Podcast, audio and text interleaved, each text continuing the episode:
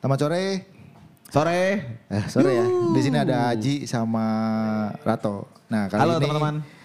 sumbernya Rato. Gue pengen ngobrol sedikit sama Rato dengan dalam episode seni bertahan. Wore. Sedih bertahan. Wih, bunyinya Eh, beda ya sekarang ya. iya, iya, selamat ya, selamat ya. Sombong sekarang apa namanya? Sekarang tos pakai tangan kiri. Yo, Karena tinggal cincinnya. Selamat ya. Wes, makasih makasih makasih.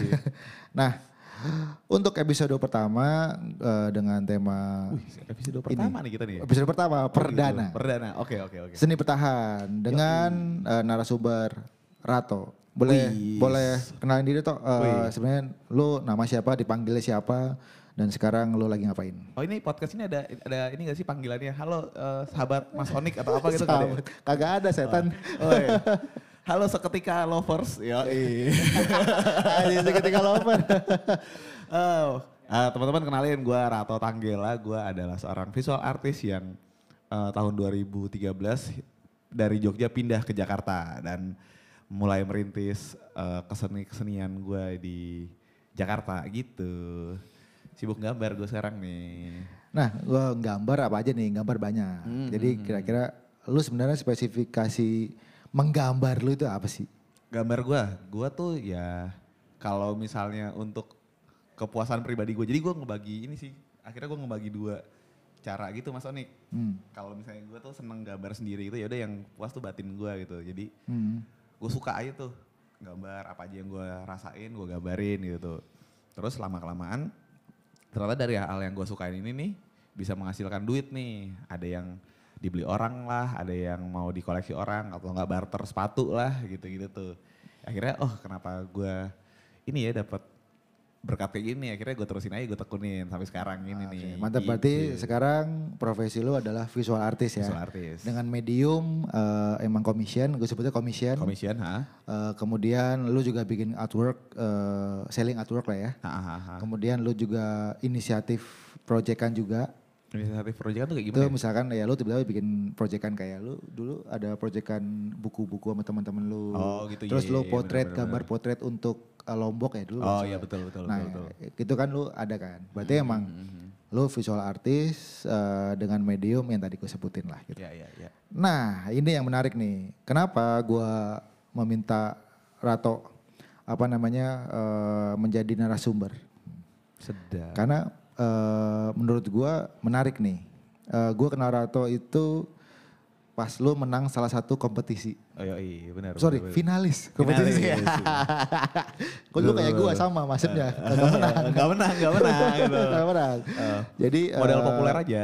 Jadi Yoi. kayak eh, gua sama Narato waktu ada salah satu kompetisi yang diadakan oleh salah satu perusahaan Mhm, dan gua tahu karyanya wah menarik juga nih. Habis itu intens karena ada beberapa proyek yang bersinggungan gitu.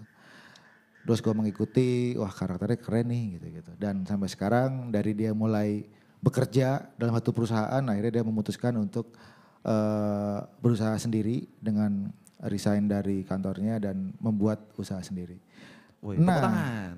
Enggak belum. Karena belum itu ya. semua, Enggak belum belum. karena belum, itu belum. semua, gue pengen nanya dengan siap, Mas. dengan tema ataupun bahasan keywordnya itu seni bertahan.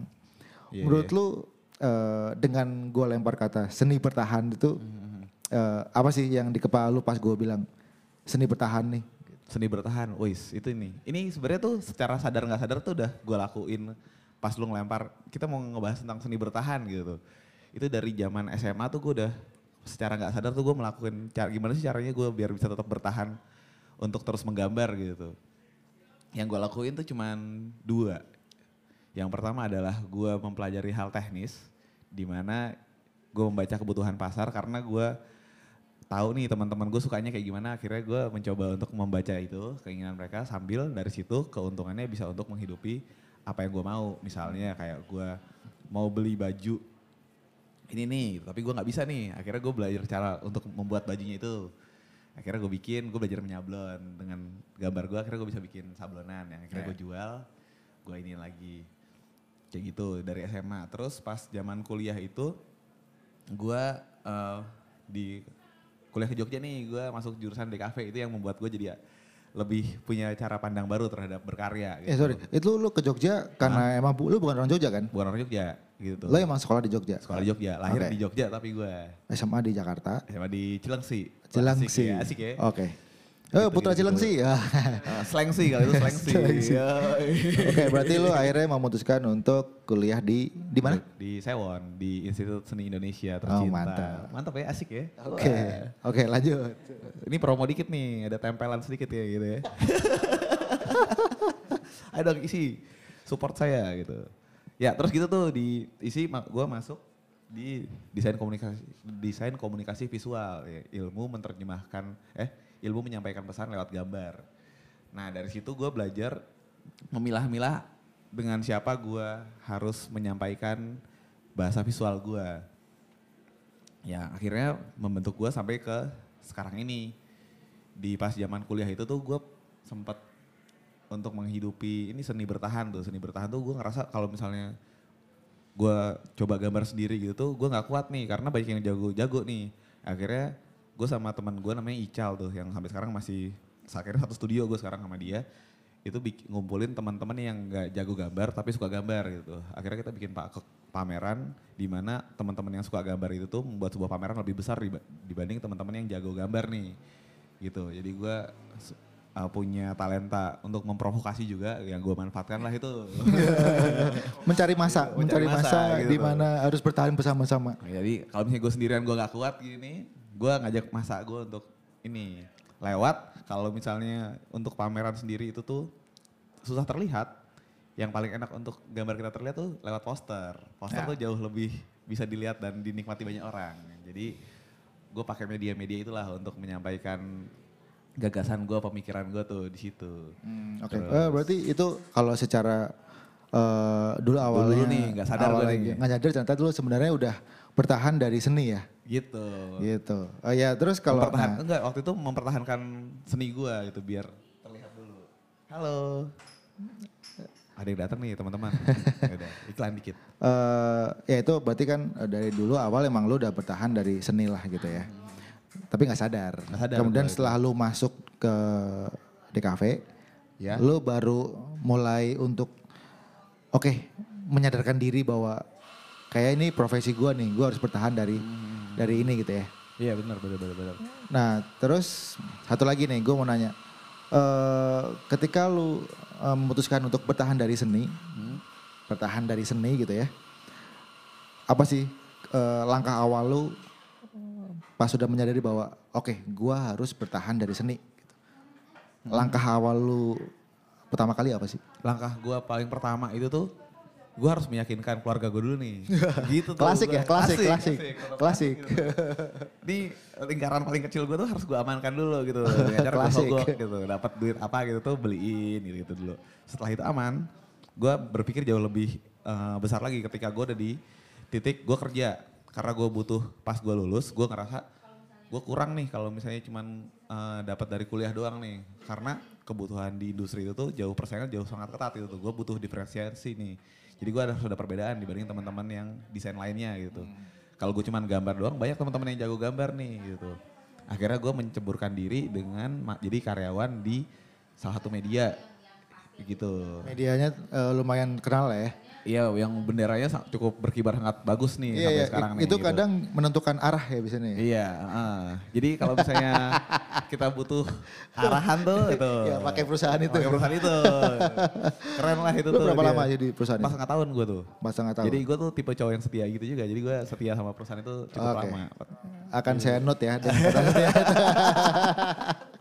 Nah gitu tuh udah tuh. Gue masuk, wah kayak gue harus belajar motion nih gitu tuh. Gimana caranya kalau misalnya teman-teman gue baru gambar doang nih. Gambar gue harus bergerak. Jadi biar gue punya, wah nilai plus di mata orang-orang yang penikmat ini gambar gue gitu. Akhirnya gue nyemplungin diri lah situ tuh. Akhirnya keasikan masuk ke dunia itu. Terus gue ngerasa gue nggak cukup nih di situ seni bertahan nih. Masuk nih ke seni bertahan. Gimana caranya gue menghidupi idealisme gue dan gue tetap harus bisa memberi makan diri gue sendiri dan lingkungan sekitar gue gitu. Akhirnya bisnis ini mulai bergerak secara bergerilya. Oke, sebelum lu memulai pembahasan dengan bisnis baru lu ini. Hmm. Menurut gua bisnis setelah lu set up sebuah usaha sendiri. Ya. Pas lu kerja, Berarti lu memutuskan untuk kerja di salah satu perusahaan itu. Hmm, betul. Itu mempengaruhi cara lu berkarya ataupun eh, apa namanya? Apakah lu mempengaruhi cara lu untuk bertahan juga? Ngaruh nggak? Hmm, kalau pas lagi gue masuk kerja itu tuh, gue malah jadi ini, jadi tidak terlalu pusing masalah ekonomi gitu tuh. Jadi Oke. duit gue dari situ tuh. Jadi gue ya udah gue bisa fokus untuk membagi waktu gue lebih ke mendisiplinkan diri. Gue harus tetap bikin sesuatu yang lain nih di luar kantor gitu.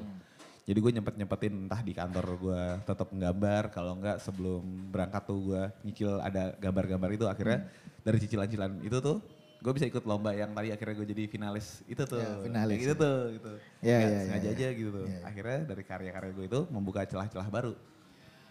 Oke. Nah, terus kalau berarti eh, dengan lu bekerja itu dulu lu eh, udah nggak mikirin perut lah ya? Heeh. Perut aman dulu, Perut baru, aman dulu nih. baru lu eh, mempertahankan seni lu. Mm, betul, betul. Nah, akhirnya eh, porsinya terbalik ya. Akhirnya akhirnya seni lu lebih kencang Heeh. dibanding waktu lu untuk eh, yang sebenarnya tuh mengge- eh, waktu lu bekerja itu tergeser oleh lebih banyaknya dorongan seni ini. Iya, betul. Iya. Yang akhirnya lu yakin gue bisa kali ya bertahan dari sini yang lu memutuskan untuk akhirnya resign. Akhirnya resign gue tuh. Oke, tahun Oh, berapa resign? Enggak, sebelum sebelum resign itu tuh gini. Jadi ada yang ada yang seru ketika gue tetap memutuskan untuk gue harus maju diri gue untuk gambar terus nih. Yang bikin dorongan untuk teman-teman lain tuh kebakar juga nih. Oh gue juga tetap harus gambar nih. Akhirnya secara nggak langsung tuh ngebentuk di kos-kosan tuh jadi aliansi 88 komunitas yang kasat mata gitu tuh. Ya ya ya ya. Gerakan Aliansi 88. Aliansi 88 yang gimana? Kenapa kita- 88? Kenapa? Kenapa 88? Pas nomor rumahnya 88 Tuh, sama pas gitu. nonton Endang Sukamti tuh angka 8 bagus gitu. Jadi Oke. ini aja nih namanya nih. Oke. Aliansi. Berarti gara-gara- Aliansi 88 sekarang masih ada ya? Masih ada. Oke. Oke, silakan lanjut lagi. Akhirnya nah dari komunitas itu tuh seni gue tuh gak cuma sendiri tapi saling bisa kolaborasi tuh antara gue sama misalnya sebutnya ada kancil kalau enggak ada aji. Nah di situ tuh punya warna-warna sendiri yang akhirnya wah seru juga nih untuk terus bertahan bikin pameran kayak kalau enggak ikutin pameran di mana kayak gitu tuh. Kalau enggak project-projectan apa saling kolaborasi saling supportnya kayak gitu. Entah uh, gue yang bantuin teman kalau enggak teman bantuin gue nggak melulu harus kolaborasi sama-sama gambar gitu. Dari situlah seni itu tumbuh tuh. Yang gue nggak tahu awalnya bakal kayak gimana ya kita jalan bareng-bareng. Nah, karena gue mau nanya juga sih, gimana cara lu mempertahankan seni itu tetap bisa menjadi eh, tumbuhan lu hidup sekarang. Gue anggap lu bertumbuh dari eh, dunia seni lah gitu. Itu apa aja sih langkah yang lu lakuin? Apakah jalur eh, jalur commission, kemudian enggak gue jalur pertemanan. Jadi eh, gue sebanyak mungkin teman gue, sebanyak mungkin eh, bermain dengan orang-orang yang membuka kolaborasi atau gimana. Karena dari tadi gue lihat kayak lu banyak melibatkan teman-teman lu yang satu profesi ataupun orang-orang yang kayaknya seru nih kalau gue sama dia, kalau gue sama mereka gitu. Itu gimana kalau lu? Kalau gue lebih cenderung ke ini apa namanya ngelibatin teman-teman banyakan tuh. Jadi inspirasi gue dari teman-teman sekitar gue bahkan yang nggak melulu satu profesi. Kalau satu profesi itu lebih gue belajar nyuri ilmunya tuh ke masalah teknis sama gimana sih cara dia mengeksekusi karyanya gitu. Tapi untuk pola pikir segala macamnya itu tuh gue lebih ngeliat ke teman-teman yang beda sekalian. Makanya gue mencoba melebur sama teman-teman yang lain.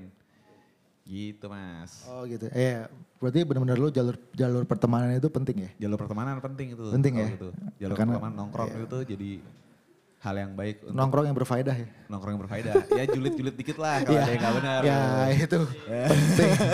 penting Bohong cuy. lu kalau penting ngomong cuy. berfaedah gitu. Penting cuy. nah itu mungkin kalau dari sisi lu eh, selama ini lu bertahan dari seni, lu ketahuan lah lu ya eh, membangun jaringan bersama teman-teman, kemudian ngebangun karakter karya lu sendiri gitu Ya. ya. Nah sekarang gue juga pengen tahu juga sih, kira-kira kalau dari sisi apa namanya idealis lah gitu Ya. seni, lu mempertahankan idealis dalam seni itu eh, gimana? Pertama, kedua, menurut lu idealis dalam berkesenian tuh sepenting apa sih? Gitu. Oh gitu gitu ya. Des, Halo. Ya iya. Nah, kalau misalnya gua tuh lebih ini. eh tadi gimana pertanyaan kok susah yang ini ya? gampang. Ini sesimpel ini. Kayak tadi lu menceritakan gimana lu bertahan dari seni. Hahaha. Nah sekarang eh gue balik. Gimana lu mempertahankan eh, idealis lu dalam berkesenian? Oh. Pertama, ah. kedua eh apa namanya? Seberapa penting sih lu mempertahankan idealisme dalam berkesenian? Oh, penting kalau menurut gua. Ini yang idealisme dulu ya. Idealisme dulu Oke. itu penting nih menurut gua Oh, nih. penting ya? Penting, penting. Oke. gitu. Jadi gua eh gua mempertahankan warna gua gitu tuh dengan cara ya gua menikmati apa yang sedang gua jalanin aja gitu tuh. Jadi tapi gua tidak mau langsung menclok menclok menclok menclok gitu tuh. Maksudnya menclok menclok gimana ya? Gue suka dengan satu gaya gambar gua gitu tuh. Tapi gue tidak menutup kemungkinan untuk gue untuk terus berino ini apa namanya belajar terus nih gitu. Tuh tapi gue berubahnya pelan pelan gitu. Misalnya kayak dulu gue lebih cenderung menggambar uh, hitam putih gitu. Makin ke sini gue makin punya uh, warna-warna sendiri gitu tuh. Gue makin berwarna makin meriah gitu tuh. Sampai ada beberapa temen gue yang kalau jadi berwarna banget nggak kayak dulu nih? Lo hitam putih gitu. Ya memang di situ gue mencoba untuk bertahan. Cara gue bertahan ya dengan cara mengalir dengan apa yang gue suka aja gitu Oh, Oke. nggak nggak mau ya udah gue hitam putih hitam putih gitu tuh tapi gue lebih karena ada background desain komunikasi visual itu juga jadi yang bikin gue jadi lebih apa bahasanya itu fleksibel bukan fleksibel jadi gue yang penting pesan gue tuh sampai gitu tuh apa yang gue rasain bukan karakter itu terus yang gue iniin Berarti ilmu lu di DKV juga lu terapin banget di bertahan Iya kesenian bener. ya? Bener bener bener. Gimana caranya gue berbicara ke diri gue sendiri misalnya. Akhirnya kalau misalnya gue seneng ada beberapa hal yang gak gue share ke teman-teman misalnya di Instagram gitu tuh. Karena gue suka ini gue nikmatin sendiri aja di buku gue yang kecil misalnya gitu tuh. Tapi kalau misalnya gue butuh pameran misalnya gitu ya udah ini kayaknya patut untuk disampaikan lewat satu gagasan gitu tuh. Akhirnya gue ini kan lah gitu. Ya, itu dari idealis ya. Dari dialis. Nah, terus lu gimana sih? Enggak gini tuh, kalau misalnya idealis tuh lebih ke yang penting ada, gue tetap harus bisa bikin karya selama gue sibuk kah atau enggak kosong, eh kalau enggak lagi si- kosong waktunya, kalau enggak lagi sibuk tuh gue harus tetap bikin karya gitu. Oke. Itu eh, menurut lu idealis dalam berkarya ya? Mm-mm. Berarti menurut lu idealis itu pokoknya intinya harus berkarya apa pun Yang keadaannya, terjadi, ha. Apa yang terjadi. Nah, kalau lu di sini ketika lu berkesenian eh idealis itu lu terapkan, lu tempatkan di posisi di mana sih? Kalau di mana nih? Berkesenian. Ya kayak sekarang lu commission lah gitu. Commission, ha. Itu lu gimana sih menerapkan idealis lu dalam karya lu itu? Oh kalau bisa itu tuh gue kayak ini, gue ngerasa jadi kayak Batman kalau gitu. Jadi, Batman. gue jagoannya gini nih, Heeh. musuhnya tuh butuhnya buat ditaklukin pakai senjata apa nih? Karena gue belajar teknis, gue membaca, oh kebutuhannya cukup di sini nih, misalnya cukup gue ngeluarin pakai eh drawing aja cukup gitu tuh. Kalau enggak, oh dia ternyata butuh untuk sentuhan khusus untuk di 3D gitu. tuh. Jadi makanya gue membuka kesempatan untuk berbagai macam hal gitu, tapi Hmm. gue menjaga dari bentuk yang udah gue bangun secara lama gitu tuh. Jadi gue eh, nggak melulu pukul dengan 100% tapi ya ini cukup dengan 50 aja nih. Ini cukup dengan 30 gitu-gitu. Oke. Ya kalau itu eh, lu bisa membaca, ya ini idealis gue cukup ditaruh 10% aja lah Ya gitu. gitu. Berarti lu sangat berkompromi dengan idealis, eh, kata idealis itu dalam lu berkarya ya gitu. Benar. Disesuaikan dengan eh, proyeknya ataupun eh, Kebutuhannya apa, Kebutuhannya apa. Ya menarik sih. Karena eh, kata idealis dalam berkesenian itu sangat sensitif. eh. Kadang-kadang wah lu gak idealis banget sih lu. Ini kayaknya lu mengikutin apa pun gitu. Iya. Ya kadang-kadang ada kata yang kayak gitu kan. Tapi menurut gua ya tadi yang lu bilang gua menerapkan idealis gua sesuai dengan porsinya aja. Gua Ah. singkatnya kayak gitu ya. Betul. Nah, kalau eh, menurut gua eh, ada beberapa pertanyaan buat lo juga. Salah satunya ini lagi nih. Karakter lu, apa yang membuat karakter lu dikenali sebagai karya Rato nih gitu. Walaupun lu proyekan buat brand A, brand B, brand C, brand D gitu. Tapi orang tahu nih, wah ini Rato nih pasti nih gitu. Apa sih yang membuat karya lu terlihat "Oh, ini Rato nih gitu. Walaupun Gua lu sendiri nempel ini lu nempel di brandnya. Ya lu pengalaman sekarang kayak gimana caranya gua menerapkan karya lu buat brand A, B, C, D, tapi orang tahu wah, wah ini karya Rato ya nih, gitu. Oh, kalau itu tuh sebenarnya gue nggak ada formula khususnya gitu tuh. Cuman gue nerapin ya udah gue konsisten aja untuk terus eh, memposting itu juga terus memberitahu sama teman-teman ini gue ini. Jadi fungsinya sosial media tuh juga ngaruh banget sebenarnya mas kalau menurut gue sekarang tuh. Jadi yang penting gue gambar terus dan gue juga ini ada sedikit yang gue pertahanin kalau misalnya untuk di commission commission itu tuh gue berusaha kalau misalnya lo mau pakai nama gue gitu tuh harus ada drawingannya entah itu mau 3D kah kalau nggak mau 2D gitu ataupun mau ini kolaborasi dengan satu band misalnya gitu tapi untuk visual panggung. Nah visual panggung itu kan kebanyakan dia butuh berkompromi dengan ini bandnya performnya apa? Terus dia harus kebutuhan panggung. Nah gue coba bernegosiasinya tuh gimana caranya tetap harus ada uh, drawingan gue di situ tuh gitu. Jadi yang bikin ini jatuh satu benang merah tuh tetap ratonya kelihatan nih gitu.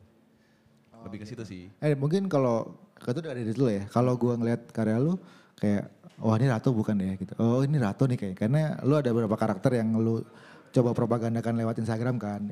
Lu selalu gambar di hal yang sama gitu. Iya, iya, iya, Dalam artian karakter itu akan selalu nongol di semua drawingan lu.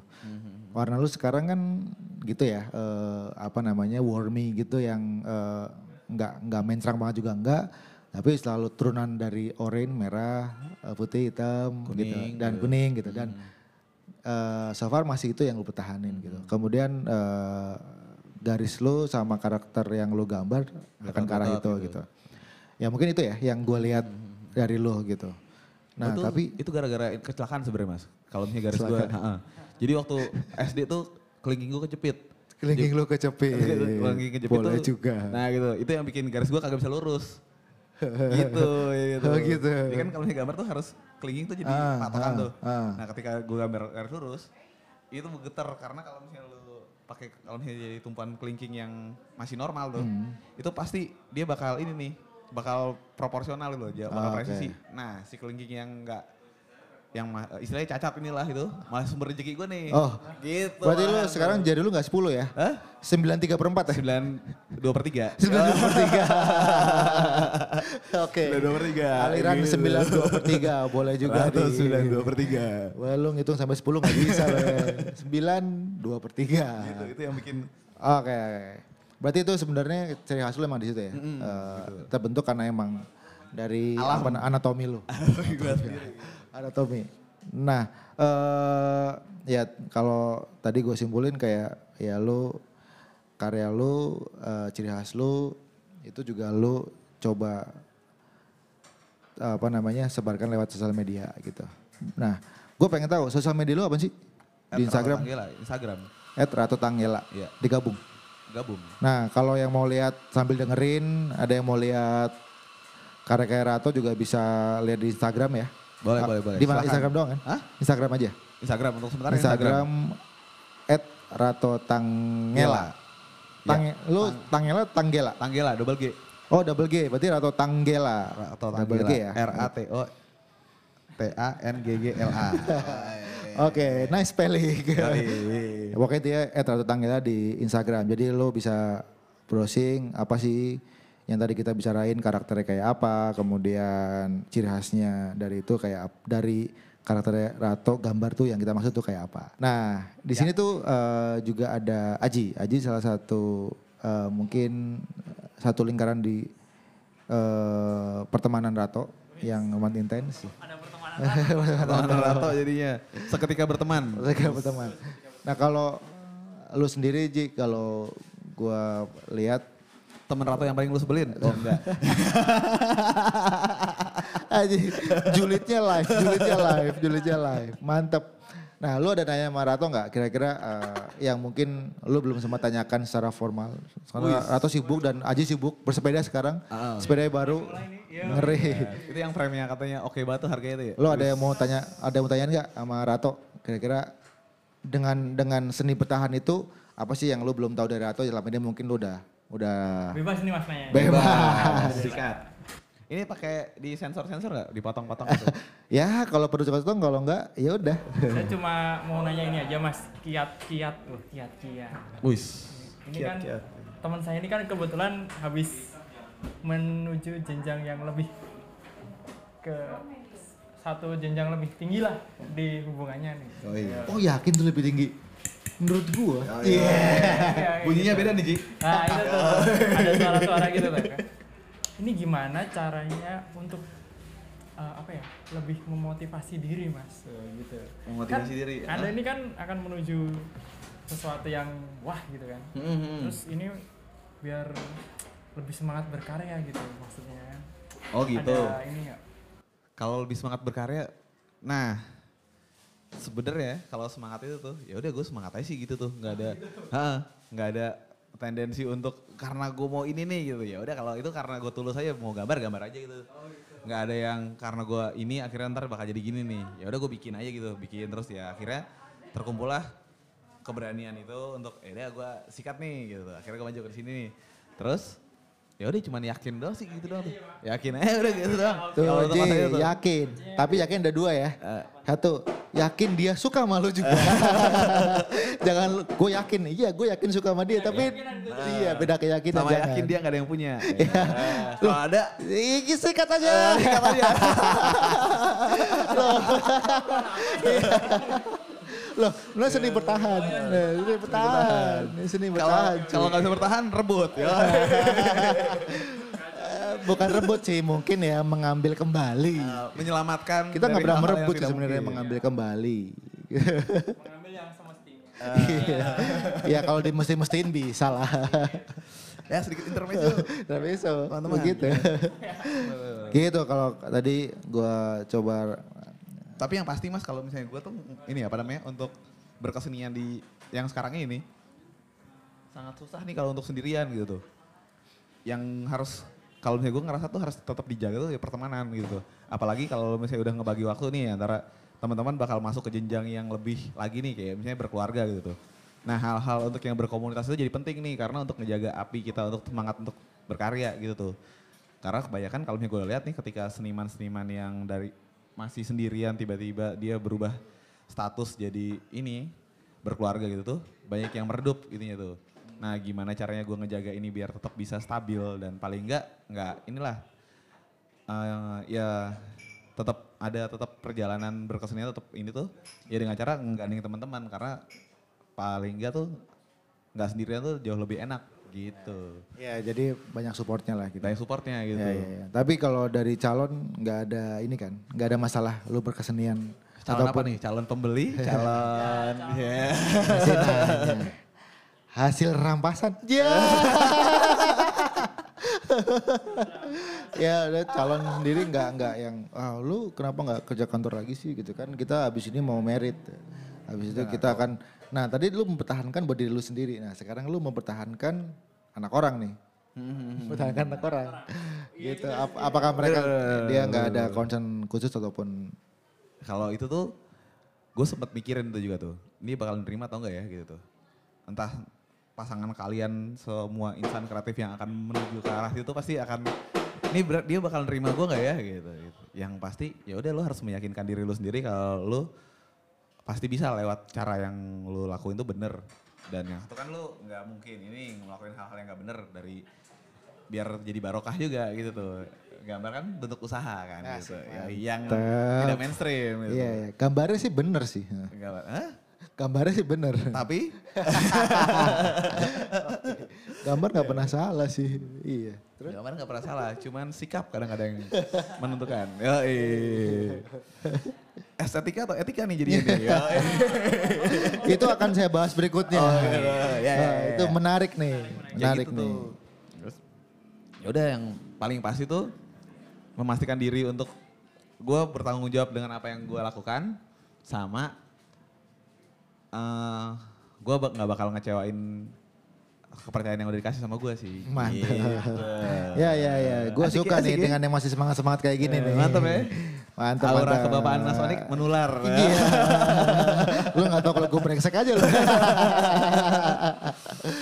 Habis itu lo akan punya satu level lagi Heeh. Seni. Eh ini gak usah dibahas. jangan, jangan. Oh Di- jangan jangan. dinikmatin Oh, dulu iya. aja gitu. Itu ntar eh, episode berikutnya aja. Episode berikutnya. Iya, iya. Karena ini masih dalam episode seni bertahan. gue lagi membranding diri gue nih di sini. Ada lagi Ji, lo nanya apa Ji? Oke. Ya kalau gue tadi sih udah cukup banyak nanya sih sebenarnya. Jadi mungkin untuk eh, podcast perdana Oh gitu. dengan eh, bahasan seni bertahan. Oh iya sama ini. Ini yang menjadi penting nih, tabungan gitu tuh. tabungan. Tabungan. Oh Ini tapi manajemen lu kita gimana? nggak kita nggak ini kan banyak yang ya kayak yang kita bahas sekarang itu kayak cuman rata-rata gimana cara berkesenian gitu-gitu. Tapi yang menjadi penting tuh lo harus nge-keep duit lo untuk minimal enam bulan ke depan lo aman baru lo bisa bermain-main jangan sampai cuman lu cuman modal nekat doang nih wah gua nekat nih ya gue punya idealisme gue perupa gitu tapi kalau misalnya lu nggak punya fondasi yang kuat di masalah itu tuh jangan sekali-sekali menggamblingkan hal itu kalau gue sih tapi kalau misalnya teman-teman eh, ngerasa yakin ya udah sikat aja tapi kalau gue sih nggak yakin Oke. Petua dari eh, Rato berarti manajemen juga penting, dalam Penting, berkesenian gitu. ya. Bener. Itu salah satu teknik bertahan juga ya. bener gitu Oke oke. Jadi eh, kalau dari obrolan tadi ini kita hampir setengah jam loh, 30 menit cuy. Lama ternyata ya Nggak kerasa ya? nggak kerasa bener-bener Nah, kalau bisa gue simpulin dari obrolan kali ini, kayak gimana Rato mempertahankan keseniannya dan gimana dia bertahan dari seninya. Satu, emang awalnya dia nggak tahu gimana sebenarnya dia udah bertahan dari seni. Tapi setelah dia eh, kuliah di ISI, jurusan DKV, akhirnya dia menyadarkan diri untuk bertahan dari seni. Setelah bertahan dari seni, dia harus mempertahankan karakternya dia agar terlihat bahwa eh, Rato benar-benar berkarya dengan ciri khasnya, di mana karakter itu akan membentuk ataupun membawa Rato ke level eh, berikutnya. betul betul Yang ketiga kayak ya melibatkan eh, pertemanan di mana pertemanan itu bisa mensupport eh, karir kita ataupun me- membuat apa yang kita kerjakan lebih eh, apa nih eh, lebih mudah lah, lebih, mudah, mudah. ataupun lebih lebih lebih legit ataupun solid. Nama yang terakhir ini yang paling menarik sih. Ternyata tuh Rato juga eh, menganggap manajemen keuangan dalam berkarya itu penting. Iya, benar, Karena itu mempengaruhi segala daripada lu karya lu keren, habis itu mau berkarya lagi nggak bisa lagi, nggak bisa lagi. Berarti eh, dari ringkasan itu hal terakhir yang paling Krusial. menarik, krusial itu adalah manajemen. Manajemen, Jadi betul, manajemen emang harus diperhatikan dalam bertahan saat berkesenian. saat berkesenian betul betul, betul. Eh, tapi dengan itu juga karya lu akan tetap bertahan karena lu ada putar. Jadi kayak emang lingkaran ya. bener bener saling Close loop. bersinergi lah itu tuh gue belajar dari lu sih sebenarnya nih mas Ya. Gitu ya. Iya juga ya. Gitu, tuh. ya terima kasih kalau gue bisa membuat lu ada yang bisa belajar dari gue. Sejauh. Kayak eh, itu dulu. Gitu nih, kalau bulan-bulannya eh, thank you buat Rato udah sharing apa itu seni bertahan menurut Rato. Dan ini adalah perdana podcast dari episode seni bertahan. Seni bertahan di Thank- ruang seketika. Oh ya ini kita eh recordnya di ruang seketika di A3 gitu. Jadi eh, Terima kasih terima kasih sudah mengajak saya. eh, sama-sama. Terima kasih loh. Eh, itu aja. Jadi tunggu seri podcast seni bertahan dengan narasumber selanjutnya. Oke? Hore. Bye. Bye. Terima kasih.